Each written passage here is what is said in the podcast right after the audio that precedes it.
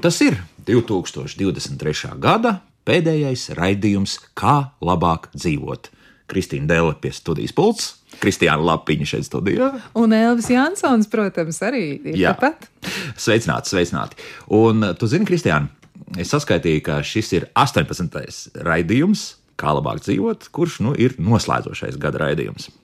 Ai. Jau 18 gadus mēs esam kopā ar saviem radioklausītājiem. Nu, var teikt, ka tā ir pilngadība. Tas tāds labs skaitlis. Šodien tiešām nedaudz atskatīsimies uz to gadu, kāds tas ir bijis raidījumam. Un, tu zini, varbūt iespējams tev arī tā gadās, bet man ir pāris paziņu un draugu, kas um, satiekot man uzreiz prasa, nu kā tad ir labāk dzīvot. Un uh, tā ierastā mana atbilde ir tāda, nu ka mācāmies, joprojām mācāmies. Tev tādu jautājumu uzdod? Jā, man uzdod tādu jautājumu, bet man jāsaka arī tā, ka cilvēki saka, ka tas ir labi, ka viņi ir uzzinājuši kaut ko. Kā tiešām darīt kaut ko labāk, vai kā labāk kaut ko piedzīvot. Un reizēm tās ir ļoti praktiskas lietas, un reizēm arī tas ir kaut kas tāds, kas eh, vairāk varbūt ir saistīts ar to emociju dzīvi un eh, tādiem priekšstatiem par sevi. Šķiet, ka jā, viņiem izdodas arī kaut ko atrast, kā labāk dzīvot patiesi. Izejot visiem raidījumiem, tā, nu, paskatoties, eh, kādi mums šie ir bijuši šo 52 nedēļu garumā, tad jāsaka uzreiz, ka mēs esam risinājuši vairāk problēmas, nevis domājuši, kā tiešām skaisti un labāk dzīvot. Nu, ko darīt? Nu, jā, ar tām ID kartēm bija jātiek galā, ar māju renovāciju arī kaut kā, un to mēs noteikti turpināsim arī 2024. gadā. Bet nu, ir arī pāris lietas, tomēr, kas ir nākušas kā jaunas atziņas, un par tām šodien mēs arī runāsim nākamajās raidījuma minūtēs. Jā, mēģināsim atskatīties uz to, kas mums pašiem ir licies tāds iedrošinošs, ierosinošs un uh, arī iedvesmojošs. Varbūt tā mēs varam to apzīmēt, jo ir arī tādi padomi, ir arī tādi secinājumi, tādas sarunas bijušas, kas, uh, man liekas, dzīvi padara labāku arī ne tik ļoti praktiskā veidā vienmēr, cik uh, tas varētu vairāk ietekmēt vispār pasaules redzējumu. Nenoliedzami. Un, proti, sāksim mēs ar raidījumu, kas izskanēja martā, un uh, tur raidījumā temats bija šāds: gribu sakārtot dzīvi, sakārto māju. Un uh, šajā raidījumā piedalījās minimālisma piekritējs Andris Arnicāns, un uh, viņš izteica tādu pavisam vienkāršu formulu, kā tikt galā ar tām mantām, nu, kuras tomēr vajadzētu izsviest ārā. Un tas ir pavisam vienkārši. Klausāmies! teiksim, kas ir liekas, teiksim, tādi kriteriji, ko mēs varam. Ko, ko mēs varam izmantot? Mēs varam paskatīties savu fizisko telpu, paskatīties uz katru no lietām, kas tur ir, un uzdot trīs jautājumus. Principā.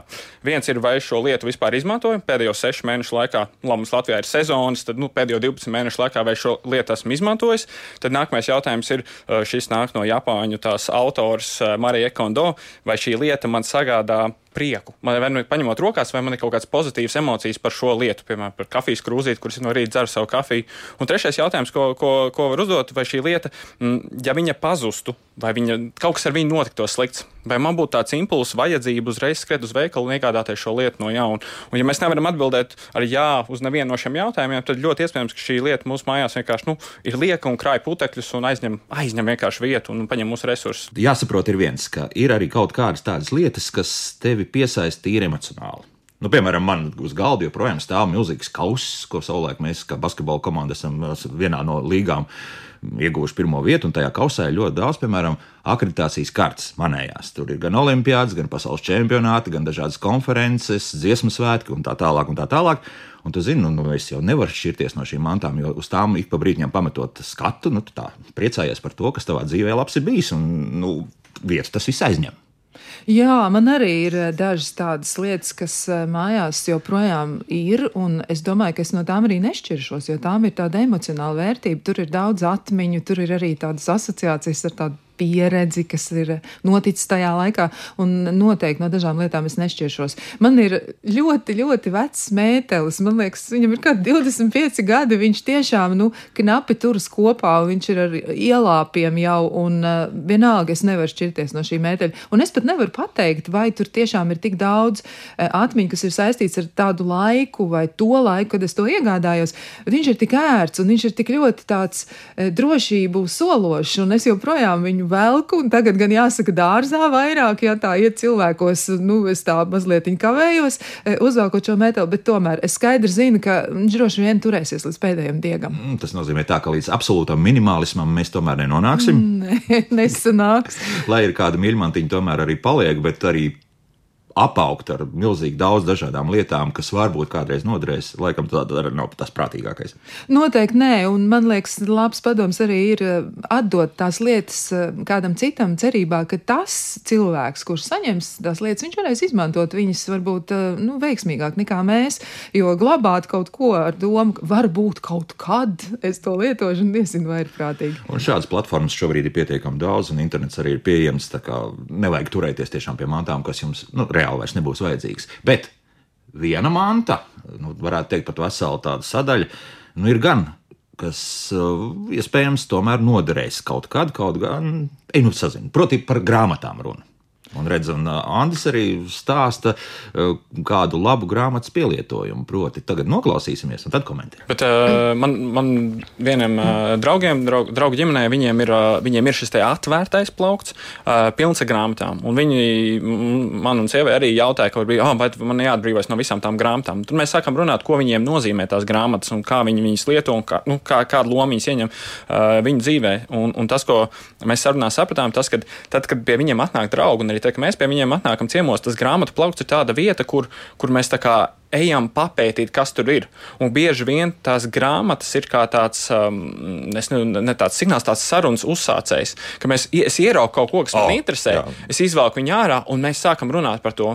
Un, un, un viņiem, un viņi padalās ar tām grāmatām, viņi aizdod tās grāmatas, tas, un tas, tas viņiem ir tāds viens kā socializēšanās foršs tāds instruments, un, un, un tad mēs esam Dievu dēļ neatbrīvoties no tām grāmatām, jo viņas tik lielu pievienoto vērtību pievieno jūsu dzīvē, jūsu draugu dzīvē, tā kā noteikti viņas atstājiet, un viņu gadījumā tieši arī tas tas atvērtais plaukts ir labāks. Kā tu teici, pielāgojas uh, tam, kas viņiem ir svarīgs, un viņiem Jā. šīs sarunas ir ļoti svarīgas. Ko tu saki, kā psihoterapeite, šādu iepazīšanās variantu un sarunas sākumu? Izmantot liekas, grāmatu plauktu. Ļoti, ļoti labs paņēmiens, jo grāmatas, uh, jā, grāmatas kaut arī varbūt daža labi ir sarakstīta pirms laba laika, bet ja tas ir romāns, tas taču joprojām ir par cilvēkiem, par mums pašiem, par jūtām, par dzīvi, uh, vai arī, ja tā ir kāda grāmata, kas ir veltīta kādam zinātniskam tematam, arī tas ir interesanti. Un kur nu vēl jauna literatūra, kas nāk klāt, vai jaunas zināšanas, kuras ir ietvertas grāmatās, pie tam arī grāmata noformējums un uh, pats veids, kā informācija grāmatā tiek apkopot un pasniegt. Man šķiet, tas tiešām ir sarunas vērts, un reizēm tā ir, ka cilvēki apbrīno viens otra bibliotēku un tos krājumus, kas ir, un atrod varbūt arī sev pilnīgi jaunas intereses. Kaut gan atgriežoties 2021. gadā un 2022. gadā, kad kļuva nu, piespiedu kārtā populāri dažādi semināri un uh, savienošanās ar kolēģiem un ne tikai ar internetu palīdzību, respektīvi strādāšanu mājās, tad daudz tiešām uh, savu darba vietu iekārtoja tā, lai kamera rāda, kas tev aizmugurē tas grāmatplaukts ir. Un tad, tad daži vīpsnāja un teica, ka to izmanto sautīgos nolūkos, respektīvi drusku piemelo par sevi, ieliekot gudrākas grāmatas nekā patiesībā viņi lasa. Jā, nu te ir tāds teiciens, kas varbūt kādam arī šķitīs tāds nu, diezgan izaicinošs, jā, bet ir tāds teiciens, ka nu, īsti varbūt nav vērts saistīties ar cilvēku, ja viņa grāmatu plaukts ir mazāks nekā televizora ekrāns. Sava daļa taisnības tur ir, jo grāmatas joprojām mums sniedz eh, lielu mierinājumu, grāmatas arī palīdz nomierināties, un tas ir ļoti jauks veids, kā pavadīt laiku, lasīt grāmatu. Un daudz cilvēku vēl joprojām saka, ka nav nekā labāka par grāmatu, eh, ka viņi tur ir rokā un drusciņi smaržo pēc, pēc papīra un, un jauna grāmatas mažo pēc tipogrāfijas. Tad mums ir jauna laimes formula televizoram vienmēr ir jābūt mazākam nekā jūsu grāmatplauktām. Un plus, ja jūs liekat lielāku televizoru, tad arī lielāku grāmatplauktu. Jā, ļoti labs motīvs. Mēs turpinām sarunu, kura ir iekritusi pašās gada beigās, un mēģinām atcerēties labos brīžus un eh, tās labās lietas, kas palīdz arī labi dzīvot. Un, um, Elvi, man te jautājums, no. ir, kā tu iztēlojies savas vecumdienas? Smaga nopūta, jo proti, nu, bažu ir daudz. Pilnīgi Kādas ir Tāpat jau redzes, sakrājas dažādas fiziskas traumas, jā, un, un, un ceļš jau sāp šobrīd, un tā potīta arī vairs labi nejūtas, un, un iespējams arī tas asinsspiediens varētu būt labāks, un skaidrs viens, ka labāk jau nekas arī nepaliks. Nu, vienmēr sakot, dzīvosim, redzēsim, jāsaka tā. Es ar tādām vieglām bažām uz to skatos. Jā, jā, tā izklausās, ka tu vairāk tiecies pret sevi izturēties ar tādu zināmu žēlumu, bet tu zini, ka tāda nepamatota žēlošana varētu arī to vecuma sagaidīšanu padarīt eh, sarežģītāku un grūtāku. Bet vai tas tiešām tā ir? To mēs tūlīt noskaidrosim. Ko par šo visu saka profesors Jānis Zaļkāns, kurš ir arī viens no tādiem droši vien Latvijā zināmākajiem gerontologiem. Un lielākiem optimistiem. Jā, tev tas varētu noderēt. Nu, tad paklausīsimies. Vecums ir stāvoklis, kad personai zūd interese par jaunām lietām un parādās grūtības orientēties tagadnē. Tātad vecuma definīcijā nav neviena vārda par fizisko, par somātisko veselību. Ja? Te iet runa par, par par mentālo, par kreativitāti, par kapacitāti. Ja? Un te ir jāsaka tā, ka mm, vecums jau ir summa summārum visam tam, kas mūsu dzīvē ir bijis. Un jo vairāk mēs būsim trenējuši savas kognitīvās funkcijas, vai tā kā mēs sakām, augstākās integratīvās smadzeņu funkcijas, kur ir atmiņa, kur ir analīze, kur ir sintēze, kur, protams, visur klāt ir emocijas, ja? Eh, un šo treniņu turpinām arī arī tad, kad dodamies uh, pelnīt atpūtā. Ne par velti tautā ir teiciens, ka kā aizies pensijā, tā sabruks. Pagaidiet, kurš sabruks, kurš nesabruks. Sabruks tas, kurš sāk sevi nepamatoti žēlot. Laika pietiek, un tagad atmiņas. Cik man bija grūta dzīve, cik man agri bija jāceļas, kā tur bija tā, un darbā var būt dažādi psiholoģiski un tā tālāk elementi, kas man traucēja, un tā joprojām.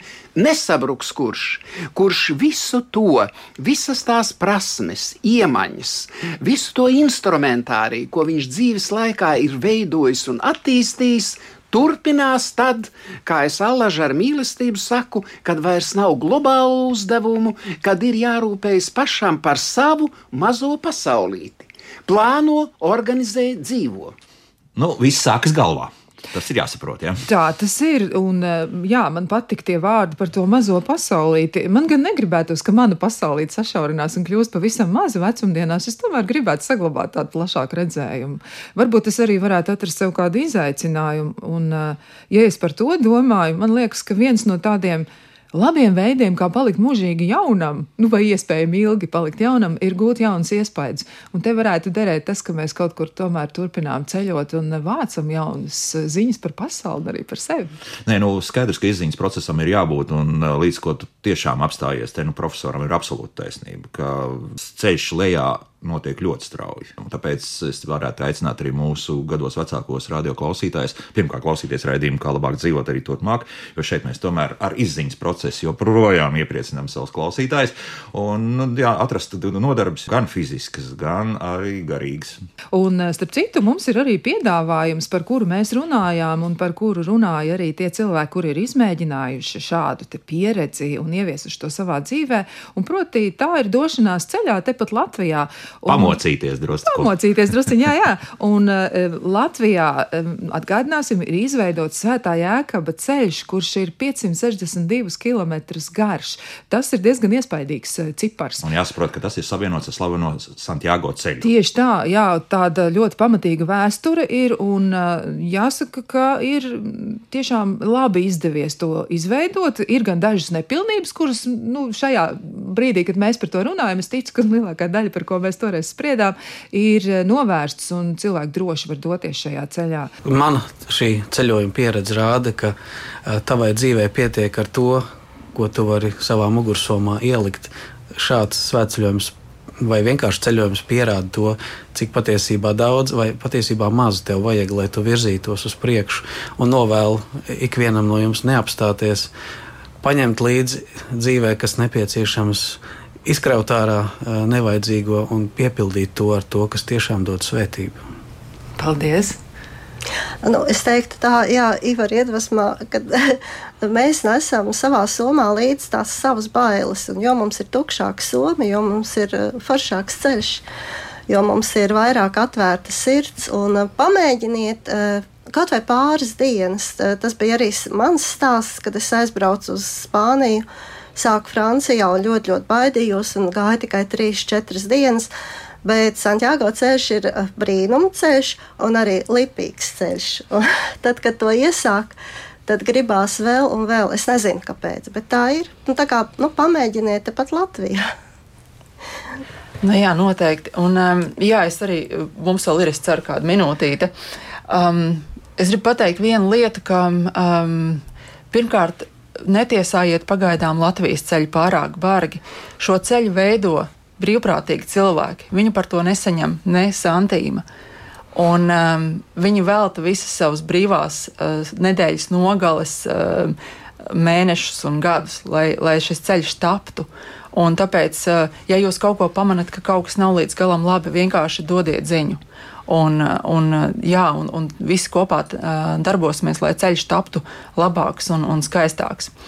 Um, Tādēļ es gribēju teikt, ka um, pirms šīm visām garīgajām dimensijām pilnīgi noteikti neviens neizbēgs no muskuļu sāpēm, no tulznām, no netīrām zeķēm un krekliem. Uh, arī šī dzīves dimensija ir jāņem vērā, ka nebūs uzreiz tādas lielas atklāsmes, būs ļoti daudz profāniskā šajā ceļā.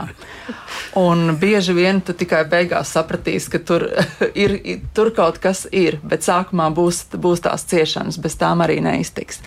Bet noslēgumā no tā tiešām aicināt nebaidīties, jo katrs, kurš ir gājis šajā ceļā, ir pēc tam apgalvojis, ka tā ir tiešām viņam bijusi dzīvē ļoti svarīga pieredze. Tā kā es aicinātu cilvēkus nebaidīties, un vai tas būtu Latvijas Santiago ceļš, vai tas būtu Spānijas vai kāds cits maršruts, vienkārši paņemt mugursomu un iet. Un jūs redzēsiet, ka jums izdosies, jums sanāks, un jūs būsiet pēc tam ļoti par to priecīgi. Paldies! Paldies gan Sandrai Ronai, gan Zanē Eniņai, gan arī Varam Jākapsonam. Paldies arī klausītājiem, kur savukārt mums saka sirsnīgs paldies par šo raidījumu. Tas tiešām ir par to, kā labāk dzīvot, un klausītāji novēlēm šķiet viss, viss eh, rosinošākais tiekamies ceļā. Nu kā ir, Elvi, tu piekrīti Zanē Eniņai, ka viņa saka, ka katram būtu jāizvēlas tas savs ceļš, eh, un eh, ka tur notiek brīnumi. Man liekas, tas ir arī ļoti interesanti, jo viņa pati par sevi atzina arī, ka viņa nav tāds, nu, tāds kristīgi orientēts cilvēks, un tā, nu, pret tiem brīnumiem izturas citādāk. Un tomēr arī viņi saka, ka tie brīnumi notiek, un tie ir tādi cilvēku klātbūtnes veidā vai iespējams palīdzības veidā, ja radušās kādas grūtības. Kā tu uz to raugies? Ko tu par to domā? Ar piesardzīgu optimismu, teiksim tā, jo ir arī ieti citi ceļi, un braukts ceļojumos, kur tu domā, kā tu tur izklausies īsti, un vienalga vienmēr tiešām patrāpās kāds cilvēks, patrāpās arī kaut kādu labāku laika apstākļu un tā tālāk. Un tā tālāk. Nu, var jau būt, ka tas kungs tēvs debesīs to visu organizē vai kā citādi, bet katrā gadījumā, ja tas tiešām palīdz un ja cilvēkiem sakārto arī galvu, šādi pārbaudījumi, daudzi kilometri noietiet, desmit kilometri un vairāk, nu kāpēc ne? Ceļus ir gājuši miljoniem cilvēku, un pilnīgi skaidrs ir, ka arī turpmāk cilvēki ies, un ja viņi atrod kādu atklāsmi, tikai uz priekšu. Mēs, kā raidījums, kā labāk dzīvot, tomēr vairāk esam runājuši un turpināsim noteikti runāt par tādu nu, tautas sporta pēc būtības. Ja? Vai tā būtu nojošana, skriešana vai, vai kas tamlīdzīgs. Respektīvi, tur, kur tu vari pats arī kustēties, kur tev nevajag nu, savākt tomēr to kolektīvu. Kaut gan esmu redzējis, ka, piemēram, ir paši nojotāji jo tā jāsaka, pat jāsaka, vairāk ļoti labprāt pulcējas un, un iet lielās tādās grupās. Ir jautrāk, protams, jā, bet, bet katrā gadījumā tiešām mēs nedrīkstam aizmirst par to, ka katram individam ir gan tiesības, gan arī iespējas visdažādākos veidos sportot, un tas man liekas arī ļoti svarīgi. Tas ļauj arī saglabāt dzīves tādu pilnvērtīgu izjūtu un tādu, kā saka, garšu katrai dienai. Te fragments no sarunas, kurā piedalās treneris Kārlis Matisāns, pediatre Dana Sārova, Latvijas Veselības un Fitnesa asociācijas valdes priekšsēdētājs Gins Kuzņecovs un uzturu speciāliste Laila Siliņa. Saruna par to, kā sevi motivēt sportot un aktīvi kustēties, pat ja ļoti negribas to darīt. Runājot par to pašu pētījumu, ko mēs nesen adaptējām ar Latvijas Universitāti, Latvijai fiziskā, nepietiekama fiziskā aktivitāte valsts ekonomikā izmaksā gandrīz 200 miljonus gadā. Gadā. Gadā. gadā. gadā. Jā. Un, ja cilvēks pievērš un izveido šo kvalitatīvo fizisko ieradumu un darboties, tas atmaksājas nu, gada laikā atpakaļ jau uz dzīvi. Un mēs gandrīz vai vienu miljonu darba dienas gadā zaudējam. Latvijas valsts no nepietiekamas fiziskās aktivitātes. Bet ko tad darīt? Ir kaut kāds, nu, teiksim, tas palaidē mehānisms, kas, kas tomēr ļa, liks tam cilvēkam iet, nu, ne, ne jau kaut kāds normatīvos aktus mēs tagad izstrādāsim, ka mums jāliek kaut kādas GDA normas, jā, kā kādreiz padomju laikā bija. Nu, tad uz to taču mēs neiesim, jā. Nu, nē. Nu, Tad kā, kā līdz tam, kā līdz tam sporta zālē aiziet, vai kā sāk sportot? Nu, jā, vispār. Jā, noteikti. es būdam ļoti slinka savā būtībā. Nu, man nestrādā īsti tas variants, kur es eju viena pati uz sporta zāli. Es diezgan ātri man tas apnika, man bija garlaicīgi. Es īsti nezināju, ko tur darīt. Man likās, ka es katru dienu aizēju un daru vienu un to pašu.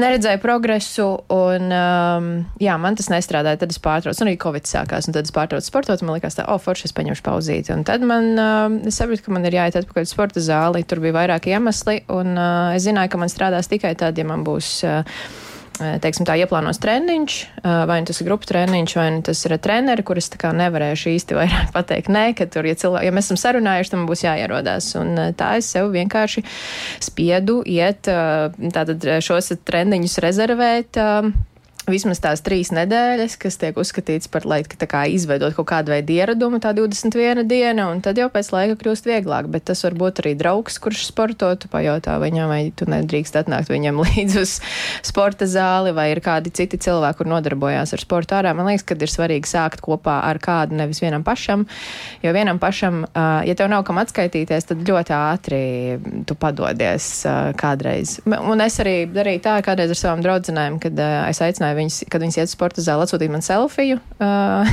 no sporta zāles, nu, ka viņas tur nofočējās uh, tajā spogulī. Jā, jā, jā. jā. Nu, vajadzēja, viņām tiešām vajadzēja to motivāciju par to, ka kāds tā kā viņas bišķiņu uzrauga tajā visā situācijā. Un tāpēc man arī liekas, ka cilvēks, kas iet sporta zāli, nofočējas uh, un, un liek selfijas Instagramā, man patiesībā liekas, ka tā ir forša atskaita pašam sev un arī motivācija citiem aiziet uz to sporta zāli. Man liekas, ka jebkas, kas tev motivē aiziet uz to sporta zāli, arī proteīna batoniņš pēc treniņa, ir manā skatījumā pietiekami laba motivācija. Mm. Ir jāizdomā, kas ir tas, kā tu sākumā sevi motivēsi, jo pēc tam tas kļūst par ieradumu, no kura tu gūsti milzīgu prieku un gandarījumu. Um, te būs piemērs par, uh, par maniem vecvecākiem. Uh, man no mammas puses bija uh, nu, vecmāmiņa.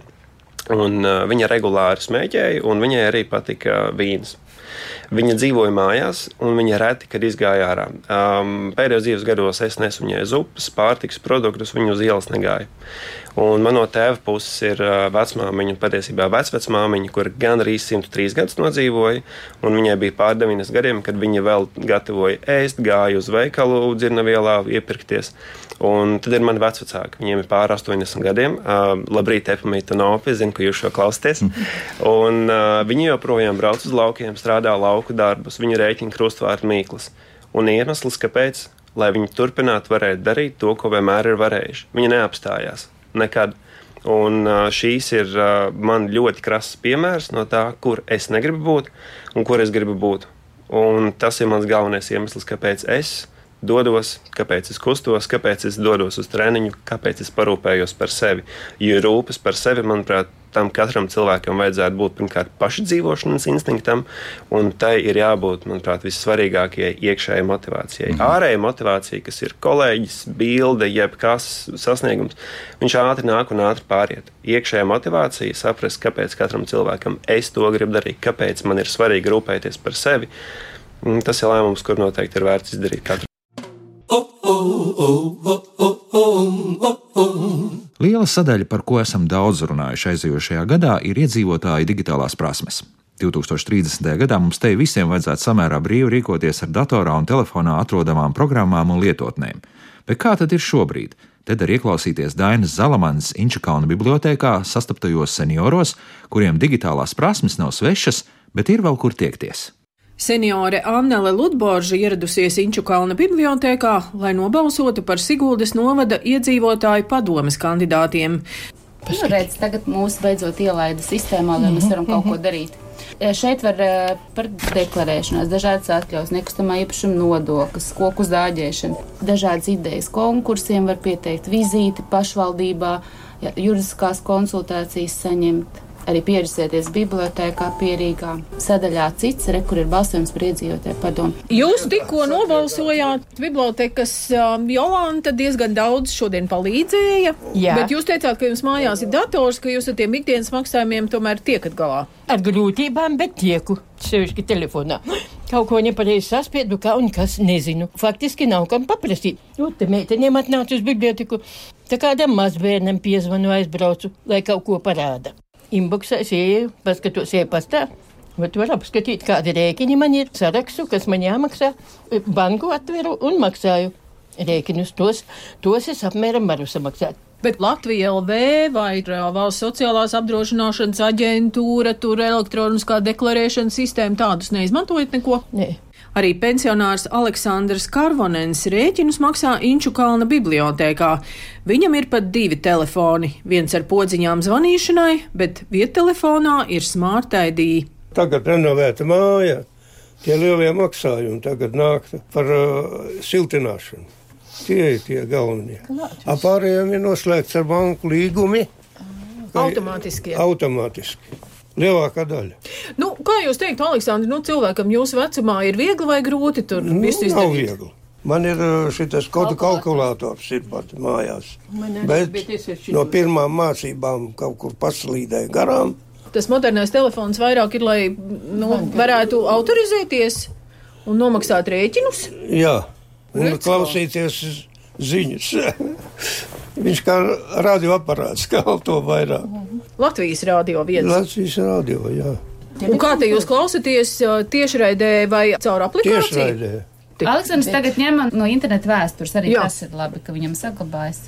Annele Ludboža stāsta, ka sociālajā tīklā Facebook pavada daudz laika. Lasīt visu, ko ir labas ziņas, ir sliktas ziņas. Un vēl visādi pielūdzi atsūta vēstules. Kādā valodā? Latviešu. Viņi tūko. Viņi apmēram visi raksta vienādi. Kā mani mīl, cik es esmu laba, un cik smuka, un cik smaidīga, šitā visu. Un es atbildu visu, ka es esmu pensionēra. Man tas patīk arī. Man tas patīk. Bet jūs neuzķeraties tiem, uz tiem krāpniekiem, jā? Naudu nevienam neskaitāt. Nē, nē, man, pirmkārt, man naudas nav ko skaitīt. Lielākā daļa tie, man liekas, tie ir visi krāpnieki. Es tās sociālos tīklus es negribu. Nevaru tās muļķības ciest, kas tur tur tiek rakstīts. Nu, jā, jāprot, tā informācija ir tā kā filtrēt, jo jā, ir arī kaut Jāfiltrē, kādas jā. lietas, kas nodara zināšanai, jo, piemēram, bibliotēkā aktīvi dzīvoja sociālajos tīklos, un par pasākumiem mūsu lasītāji uzzina tieši Facebook visvairāk, un tāda arī vecāki cilvēki. Viņi tur aizpild arī aptaujas, un viņi tur vienmēr visu izlasa. Vajag veciem ļaudīm un pārējiem iedzīvotājiem mācīt tā digitālās prasmes. Es domāju, ka laukos ļoti daudziem vēl ir zils brīnums uz tādu kā telefonu vai pat Varbūt kaut kādas vajag nu, tādas praktiskas materiālus. rakstīt, kā ieslēgt, kur kas parādās, kā visi tās ikonas, ko nozīmē. Nu, bet redz, ka Jolanta teica, uzrīko mācības un atnāk divi seniori. Paši vainīgi arī. Sadrukājām pat ielūgumus personiski, devām katram, kam tas varētu noderēt, un izdalījām kādus 40, eh, ja nemaldos, ielūgumus. Eh, Organizējām digitālo, tieši internetā tādu medīpratības nodarbību senioriem, un atnāca Aleksandrs un vēl atnāca viena lasītāja. Kaut gan, kad apjautājām, teica, ka jā, jā, vajag, tas ir ļoti noderīgi. Tā atsaucība nebija liela, un par to mēs nedaudz bijām domīgi. Vai vajag tādas nodarbības bibliotekās? Jo mēs stāstījām gan par krāpšanu, gan par drošību, gan par rēķinu apmaksu, gan par aplikācijām, kuras ir labi turēt telefonos. Katru gadu mēs rīkojam šādas nodarbības, un vienmēr, jebkurā laikā, var nākt prasīt palīdzību. Tas ir mūsu amata aprakstā - mācīt, palīdzēt, eh, lietot digitālos pakalpojumus. Bieži vien tās lietas jāsauc daudz vienkāršāk. Varbūt būtu atnākuši vairāk, ja mēs teiktu, ka kā droši lietot internetu. Man liekas, arī valsts līmenī vajag piedomāt, nebiedēt cilvēkus ar nosaukumiem. Tas, protams, ir labi, ka Ludbožs kundze zina, ka koķetē ar krāpniekiem un nemaz netaisās krist to valgos, bet miljoniem eiro Latvijā ir izkrāpti tieši no tiem, kas uzskata, ka viņi jau nekad digitālo krāpnieku nagos nenonāks. Un tomēr. Te pavisam īsts komentārs no interneta zagļu apkarotāja Elvisa Strasdiņa. Kāpēc notiek tā, Kā notiek? Kā parasti ar apkrāpējiem, viņiem vienmēr ir kauns stāstīt visu līdz galam, un viņi oh. vienmēr noklusē. Man pagājušajā nedēļā bija tikšanās ar visu banku pārstāvjiem un uh, valsts policijas uh, pārstāvjiem, un mēs tieši par šo runājām. Un, uh, viņi teica, viņiem ir tieši tāda pati pieredze. Cilvēki negrib līdz galam stāstīt. Viņi saka, kāds var būt, es iedevu personas kodu, man novilka 1400 eiro.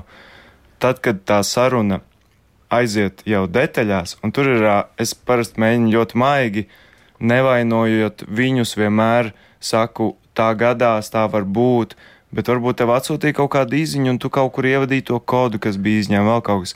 Un principā tā schēma ir tāda, ka viņi nozog identitāti, tiekot pie Smart ID vai mobile scan, kas nu kurai bankai. Un pēc tam ar šo identitāti jau ņem kredītus un vai ņem nomaksas preces. Šajā gadījumā bija paņemts nomaksas iPhone par 1400 eiro. Aha. Tā tad pavisam vienkārši. Neatklājiet telefonu zvanītājiem vai e-pasta sūtītājiem neko par sevi. Pat vārdu nē. Kā tev šķiet, nu vai, piemēram, šo lietu vai ko citu varētu risināt arī mākslīgais intelekts? Kā tu vispār uz to skaties? Oi, te arī ir interesanti. Proti, nenolieksim, ka esam pietiekami daudz gan pieminējuši, gan arī īpaši runājuši šogad par mākslīgo intelektu. Un mākslīgais intelekts jau tajā 2023. gadā faktiski tas ir tas izrāviena gads, jā, šādi GPT. Nu, ir aizgājis lielākoties visi, kam tas interesē, ir iepazinušies, kas tas īsti ir, kāds atzīst par labu esam, kāds saka, nu vēl tur jāpagaida viedokļi ir dažādi. Turpat arī interesanti, kā sākot gada sākumā mūsu eksperti runāja par to, nu, jā, ka tur vēl ir dažādas problēmas un tā tālāk. Un tā tālāk un jau uz gada beigām, iedomājieties, gada laikā jau mēs eh, pieņemam to kā normālību, ka mākslīgais intelekts būs kopā ar mums, mēs nekur neliksimies. Vai mēs ar to konkurēsim vai nē, tas vēl ir labs jautājums. Bet es domāju, ka īstais brīdis paklausīties profesoru Mārci Auziņu, ko viņš saka par mākslīgo intelektu tas, ko mēs kādreiz uzdodam šeit datorprogrammai darīt, mēs nevien, nevienmēr līdz galam apzināmies sekas. Uh, un, un prognozēt sekas nevaram. Kā viens no ļoti, ļoti, ļoti jaudīgiem mākslīgā intelekta speciālistiem, mans uh, kolēģis Kalifornijas Universitātē teica, šeit ar mākslīgo intelektu parasti ir tā, tāpat kā zelta zīltiņa. Mēs viņai, uh, kur jums piedāvā trīs vēlēšanās. Pirmās divas mēs viņai uzdodam, un trešā vēlēšanās ir zelta zīltiņa. Lūdzu, atcel manas divas iepriekšējās, jo viņas ir visas salaidušas totāli grīstē. Ar, ar mākslīgo intelektu brīžiem var notikt līdzīgi, līdz ar to ar viņu ir jāizturās ļoti uzmanīgi, bet uh, cerēt, ka, ka viņš darīs uh, intelektuālo darbu mūsu vietā, nu, viņš to nedarīs. Un vēl, vēl vairāk pasaule mums ir interesanta, tāpēc, ka mēs esam emocionāli. Ja pasaule būtu superracionāla, uh, no vienas puses mēs gribam dzīvot racionālā pasaulē, kur visi ļoti saprātīgi pieņem lēmumus. Ja mēs sāktu dzīvot racionālā pasaulē, mēs ļoti drīz tai zelta prasīt, atgriezt mums emocijas, At, atgriezt mums mūsu vājības, jo citādi pasaule ir uh, gan neinteresanta, gan patiesībā neattīstās vairs. Mākslīgais intelekts nevienā brīdī nespēja uh, radīt kaut kādas kopsakara ainu un tā tālāk. Mums brīžiem liekas, ka viņš ir ļoti cilvēcīgs, un man bija nesena pieredze, izstāstīšu pavisam īsi. Yeah. Es viņam pajautāju, kāds sakars Tiho Brāhem ar Latviju. Un ChatGPT man saka, ka sakars ar Latviju nav zināms. Un es viņam saku, bet klausies, es taču dzirdēju, ka Dolas salā viņš gribēja būvēt observatoriju. Un tad, kas man ļoti patika, mākslīgais intelekts man saka, atvainojiet, kungs, es tiešām kļūdījos. Oh, kas man, kas jā. man rada sajūtu, ka es runāju ar cilvēku, kuram ir emocijas, kuram ir nērtība, ka viņš ir kļūdījies, kas patiesībā ir absolūti nav taisnība. Tad domāt, ka, ka šis mākslīgais intelekts ir apveltīts ar emocijām, ar empātiju vai kaut ko tamlīdzīgu, nav pamata nav nevis mazākā pamata. Līdz ar to tas joprojām būs izcils uh, avots, ja mums vajag uzzināt konkrētus faktus. Mm -hmm. uh, bet tas nekad nebūs tas, kas palīdzēs mums veidot uh, kopsakarību, kopainu un, ja tā, tā emocionāli izsakoties, saprast pasauli, kurā mēs dzīvojam. Jā, un, bet, jā, jā, un es domāju, jā. ka daudzi no mums mācās nevis tāpēc, lai uzzinātu faktus, bet lai iegūtu šo kopainu, lai norientētos ļoti sarežģītajā un ļoti dinamiskajā pasaulē. Nezinu, vēl paies kaut kāds brītiņš, un iespējams, ka ziņas varēs lasīt dators. Uh, nu, ziņas iespējams varēs lasīt uz datora, bet man šķiet, ka tiem uh, cilvēkiem, kas grib mācīties tiešsaistē vai dažādos veidos, uh, chat GPT GPT un tam līdzīgu intelekta, mākslīgā intelekta risinājumu parādīšanās galīgi nav apdraudējums. Aha. Jo tas, ko mums var izstāstīt visi šie te, sākot no Google, dažādiem chatbotiem un tā, un tā tālāk, viņi var izstāstīt mums faktus. Un faktus, protams, mums mācīties no galvas nav jēgas. Un tad, kad mēs mācāmies kaut ko, piemēram, attālināti, vismaz par sevi es absolūti droši gribu teikt, ka tas nav tas, ka es uzzinātu kaut kādus jaunus faktus un tad viņus turētu prātā un kādreiz varbūt izmantotu.